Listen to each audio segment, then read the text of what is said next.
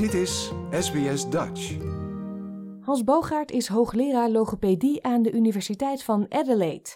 Onlangs ronde hij samen met collega's een onderzoek af naar de taalontwikkeling van tweetalige Nederlandse kinderen die naar de Nederlandse school in Sydney gaan.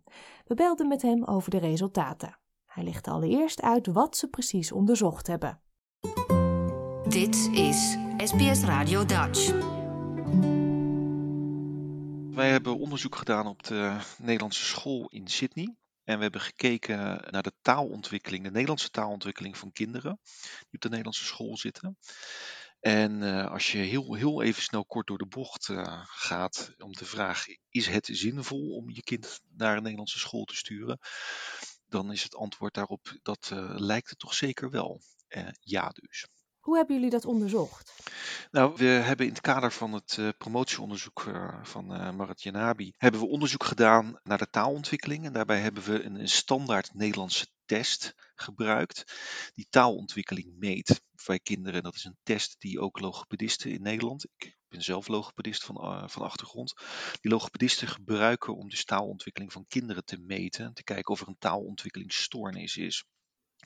Daarnaast hebben we met vragenlijsten in kaart gebracht wat zeg maar, de blootstelling, de omgeving, de taalomgeving van het kind is in, in de thuissituatie. Dus hoe vaak wordt er Nederlands gesproken? Wat doen we met die kinderen in, als er Nederlands gesproken wordt? Lezen we een boekje, uh, kijken we tv, et cetera, et cetera. Dus we hebben de kinderen een tijd gevolgd en dat is het mooie van dit onderzoek. We hebben met behulp van Nederlandse logopedie-studenten die naar Sydney zijn gekomen, de mogelijkheid gehad om kinderen te testen en een jaar later weer te testen. Dus we kunnen verschillen zien in die kinderen hoe een taalontwikkeling is. En op basis van de achtergrond die we hebben, kan je dan gaan bekijken als er een verschil in een kind is. Goh, waar komt dat eigenlijk door? Ja, en dat testen, dat gebeurt aan de hand van een taaltoets of moeten ze lezen? Hoe, hoe zie je dat voor me? Ja, dat is een taaltest. Dat heet de CEL 4. Tegenwoordig de CEL 5 wordt gebruikt in Nederland. Dat is een, gestandardiseerde test waar je verschillende onderdelen van taal bekijkt. Dus je bekijkt naar de woordenschat, naar uh, taalbegrip, naar expressieve taal, uh, benoemen, et cetera. Ja, en dat hebben jullie dus gedaan ja, bij die kinderen. Klopt. Twee jaar na elkaar. Ja. En daar zat een degelijk verschil in? Ja, daar zat een verschil in, want we hebben dus 50 kinderen zitten, zitten in deze studie. Die hebben we net gepubliceerd. En uh, we hebben dus naar 50 kinderen tussen de 5 en 13 jaar oud gekeken. En uh, wat we zien is dat in die groep van, van 50 kinderen, in het eerste jaar zat een, een, een grote groep kinderen die een score had waarbij je als logopedist denkt van er kan mogelijk een taalontwikkelingsachterstand zijn. Nou zijn het natuurlijk tweetalig opgevoede kinderen. Die normering geldt alleen maar voor eentalige kinderen, maar ze scoren onder de norm wat Nederlandse kinderen in Nederland zouden moeten scoren. Die fulltime Nederlands praten. Die fulltime Nederlands praten, ja. Maar goed, we zitten in Sydney. We zitten dus in, in tweetalige. De kinderen gaan naar een uh, reguliere Australische school en gaan twee uur per week naar de Nederlandse school toe. Dus dat is een hele andere situatie. Maar hun taalniveau is vergeleken met kinderen in Nederland dus minder. Nou, in die groep van kinderen, we hadden 21 kinderen die scoorden lager dan de normering, zien we dat het jaar daarop meer dan de helft plotseling binnen de normen scoort. Of eigenlijk dus gewoon een normale taalontwikkeling hebben, als je het zo mag beschrijven. Dus die kinderen zijn van achterstand plotseling naar normaal gegaan en scoren gewoon zoals Nederlandse kinderen in Nederland zouden scoren. Nou, de vraag is dus, hoe komt dat? Waarom gaan die kinderen opeens zo vooruit? Ze hebben geen extra logopedie gehad in het Nederlands, wat je dus in Nederland wel zou hebben.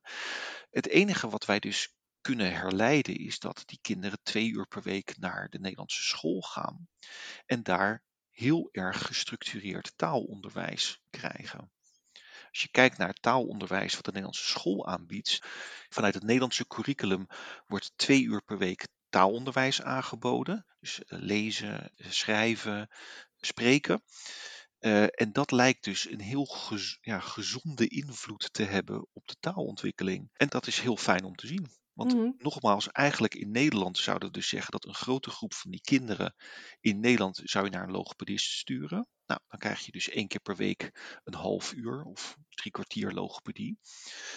Maar eigenlijk zie je dus dat die twee uur per week Nederlandse school hier misschien net zo effectief is om die taalachterstanden weg te werken. En dat zou natuurlijk een hele mooie conclusie zijn. Ja, en je ziet het ook bij die verschillende leeftijden. Want 5 en 13, dat is nogal een groot verschil. Hè? De ene begint net, de andere is al wat verder onderweg met een taal. Je ziet dat over al die leeftijden verdeeld dat die sprong er is. Ja, dat zien we over alle leeftijden. En we zien het dus ook als je kijkt naar de, omdat we die vragenlijst aan de ouders gegeven hebben over de taalomgeving thuis. Dus we hebben gekeken of kinderen hier geboren zijn of in Nederland geboren zijn. Uh, hoe vaak thuis Nederlands wordt gesproken. Als je kijkt naar de kinderen die vooruit gaan en niet vooruit gaan, zit daar geen verschil tussen. Dus in die jaartijd zie je dus dat die kinderen heel mooi ja, eigenlijk continu dezelfde blootstelling hebben aan de Nederlandse taal. En het enige wat er dus echt gebeurt is, is dat ze twee uur per week ja, een soort taaltherapie hebben, Nederlandse school, waarbij ze echt puur gefocust op die Nederlandse taal en wat oefeningen dus ook thuis moeten doen. En dat lijkt dus een heel uh, ja, goede invloed te hebben op uh, de taalontwikkeling van die tweetalige kinderen. Ja, dat is natuurlijk geweldig nieuws voor de Nederlandse school in Sydney. Dat zei je net ook al. Kan ik het breder trekken dat als mensen naar de Nederlandse school in Brisbane gaan, of van mijn part ergens in uh, Madrid of in Singapore, dat dat gewoon effectief is? Kijk, de verschillende Nederlandse scholen, als je voor de hele wereld kijkt, hebben verschillend aanbod van hun lessen. Als je bijvoorbeeld kijkt naar de Nederlandse school in Singapore, die hebben vijf dagen in de week volledige Nederlandse school. Daar zitten kinderen echt in wat, wat ik altijd noem de expat-bubbel. Dat is echt het, het expat-leven, waar kinderen alleen maar uh, met Nederlandse kinderen zitten in een Nederlandse school en niks anders. Dus die hebben volledig onderwijsaanbod in het Nederlands. Ik weet niet hoe andere Nederlandse scholen in het buitenland georganiseerd zijn. Ik weet bijvoorbeeld niet of Brisbane twee uur per week is, of één uur per week, of vier uur per week. Um, er zijn Nederlandse scholen mogelijk in, in Spanje, in Brazilië, in Amerika, die iets anders doen. Maar het gaat erom dat die Nederlandse school, wat ze aanbieden, is het taalonderwijs wat in Nederland ook wordt gegeven. En dat is in principe gewoon heel goed gedegen onderwijs. En het wordt gegeven door professionele mensen. Het wordt door leraren en leraressen, juffen en, meesters die een, uh, een goede pedagogische achtergrond hebben.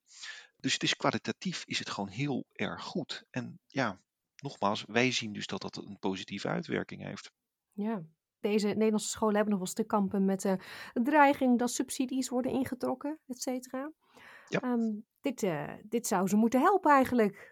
Ja, nou, daar, daar ben ik ook persoonlijk heel erg blij om. Want inderdaad, in de, in de tijd dat wij onderzoek hebben gedraaid bij de Nederlandse school. En je praat met de mensen daar.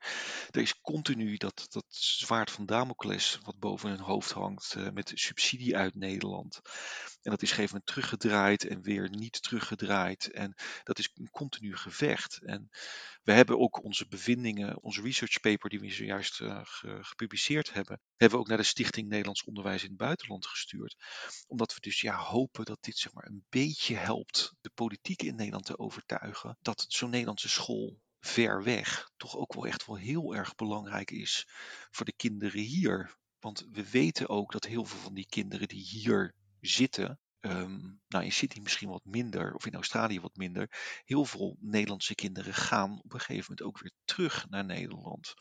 En komen weer terug in het Nederlandse schoolsysteem en moeten daar dus gewoon weer Nederlands praten. Dus zeker voor die kinderen is het ook heel belangrijk dat hun Nederlandse taalontwikkeling gewoon op een goed niveau blijft, zodat ze als ze weer terugkomen in Nederland gewoon weer kunnen aanhaken. Ja, ik weet dat dit um, iets is waar jij heel graag onderzoek naar doet en graag over praat natuurlijk. Ja. Uh, zit er al iets in het vooruitzicht? Gaan jullie nu nog verder? Gaan jullie die kinderen verder volgen? Ja, nou ja, we zijn in, we zijn in Sydney hebben we het onderzoek afgerond. Want we hebben uh, inmiddels wel duidelijke conclusies eruit getrokken. Er zijn natuurlijk meer vragen die altijd uit onderzoek voortkomen. Uh, onderzoek leidt altijd tot nieuwe vragen. Engels en Nederlands zijn natuurlijk vrij verwante talen. Je zou heel graag willen zien hoe zich dingen verhouden als bijvoorbeeld we kijken naar uh, Nederlandse scholen zeg maar, in een Spaanstalig gebied. Of Portugees als je naar Brazilië kijkt. Uh, je zou hetzelfde onderzoek daar eens kunnen doen om te kijken wat de verschillen zijn. Wat ik net al zei, ik ben soort gefascineerd door de Nederlandse school in Singapore, omdat daar natuurlijk volledig Nederlands onderwijs wordt gegeven. Uh, zijn de resultaten daar beter dan elders of niet? Ja, daar zou je in de toekomst naar kunnen kijken. Dus daar zijn we inmiddels wel soort van in gesprek over met anderen. Uh, en ook met, uh, we proberen daar de stichting Nederlands Onderwijs in het Buitenland warm voor te krijgen. Het probleem is natuurlijk dat met onderzoek doen in andere landen de afgelopen twee jaar alles heeft stilgelegen vanwege COVID. We konden nauwelijks reizen, we konden nergens heen. Uh, ja, de grenzen zijn weer open. Uh, we, we, kunnen weer naar andere landen vliegen, we kunnen weer naar andere gebieden vliegen. De vraag is of je koffer aankomt als je de problemen op Schiphol leest. Maar uh, dat heeft zo zijn problemen. Maar ja, uh, kijk, we, we, hebben natuurlijk de afgelopen jaren dit onderzoek hebben we heel erg sterk ook geleund op de Hanse Hogeschool in Groningen. Waar studenten logopedie naar Sydney zijn gekomen om die kinderen te testen. Want dat kost allemaal tijd. En die hebben dat in het kader van een opleiding logopedie gedaan. Um, we zijn dus nu voorzichtig weer aan het kijken of we dit soort projecten ook in andere landen kunnen opzetten. Of dat we vervolgonderzoek kunnen doen. Of extra logopedie aan kunnen bieden bij kinderen die dat toch nodig hebben. Want we zijn natuurlijk heel erg blij dat een grote groep van die kinderen vooruit gaat. Maar een kleine groep gaat niet vooruit. Nou, die moeten mogelijk wat extra ondersteuning hebben. Zou je daar studentenlogopedie voor kunnen inzetten? Nou, dat zou een mooie mogelijkheid zijn. Uh, ja, nu we weer kunnen reizen en de grenzen open zijn, zijn dat allemaal weer dingen die uh, op ons afkomen. En daar zijn we dus uh, fijn in gesprek over. Ja, interessant. Ik vind het vooral ook, ja. um, volgens mij zei je dat een andere keertje toen ik met jou praatte. de kinderen die hier dan Nederlands leren, dat klinkt voor mij klinkt het dan best oké. Okay. Maar als ze dan naar Nederland gaan, dan, ja. dan, dan denken die mensen, wat praat hij anders? Wel Nederlands, ja. maar anders ja, het is toch, dat, dat is het, het hele idee dat wij, um, kinderen horen zoveel verschillende vormen van Nederlands om zich heen. En ja, die hebben een soort van, uh, wat je in het Engels noemt, regression to the mean. Die gaan een soort gemiddeld Nederlands praten, algemeen beschaafd Nederlands. En hier in, in Australië, omdat het een hele kleine groep is, lijkt daar toch in te sluipen als het gaat om uitspraak van de Nederlandse taal dat je met een soort van accent gaat praten. En, uh, Aussie Nederlands? Ja, Aussie Nederlands, ja. En daar zijn wij natuurlijk aan gewend, want wij horen niet anders. Dus ja, wij verstaan die kinderen prima, maar het verklaart wel dat als je inderdaad je Nederlandse dochter of zoon meegaat op vakantie naar Nederland, dat oom en tante af en toe denken van, waar heeft hij het over? En dan zijn wij heel trots, van nou, ja. doe je hartstikke goed, jongen of meisje. Ja, ja, maar goed, dit is niet over taalontwikkeling, dit is echt puur uitspraak. En daar zou je in principe heel eenvoudig ook een projectje op kunnen starten om zeg maar, daar iets aan te schaven, dat, dat, dat die uitspraak wat beter wordt. Ja. En nogmaals, daar zou je het heel mooi, prachtig met studentenlogopedie uh, een, een, heel mooi project voor kunnen opzetten. Ja. En daar hebben we het inmiddels ook al over gehad trouwens. Dankjewel Hans Bogaert van de Universiteit van Adelaide. Dankjewel. Graag gedaan. Like, deel, geef je reactie. Volg SBS Dutch op Facebook.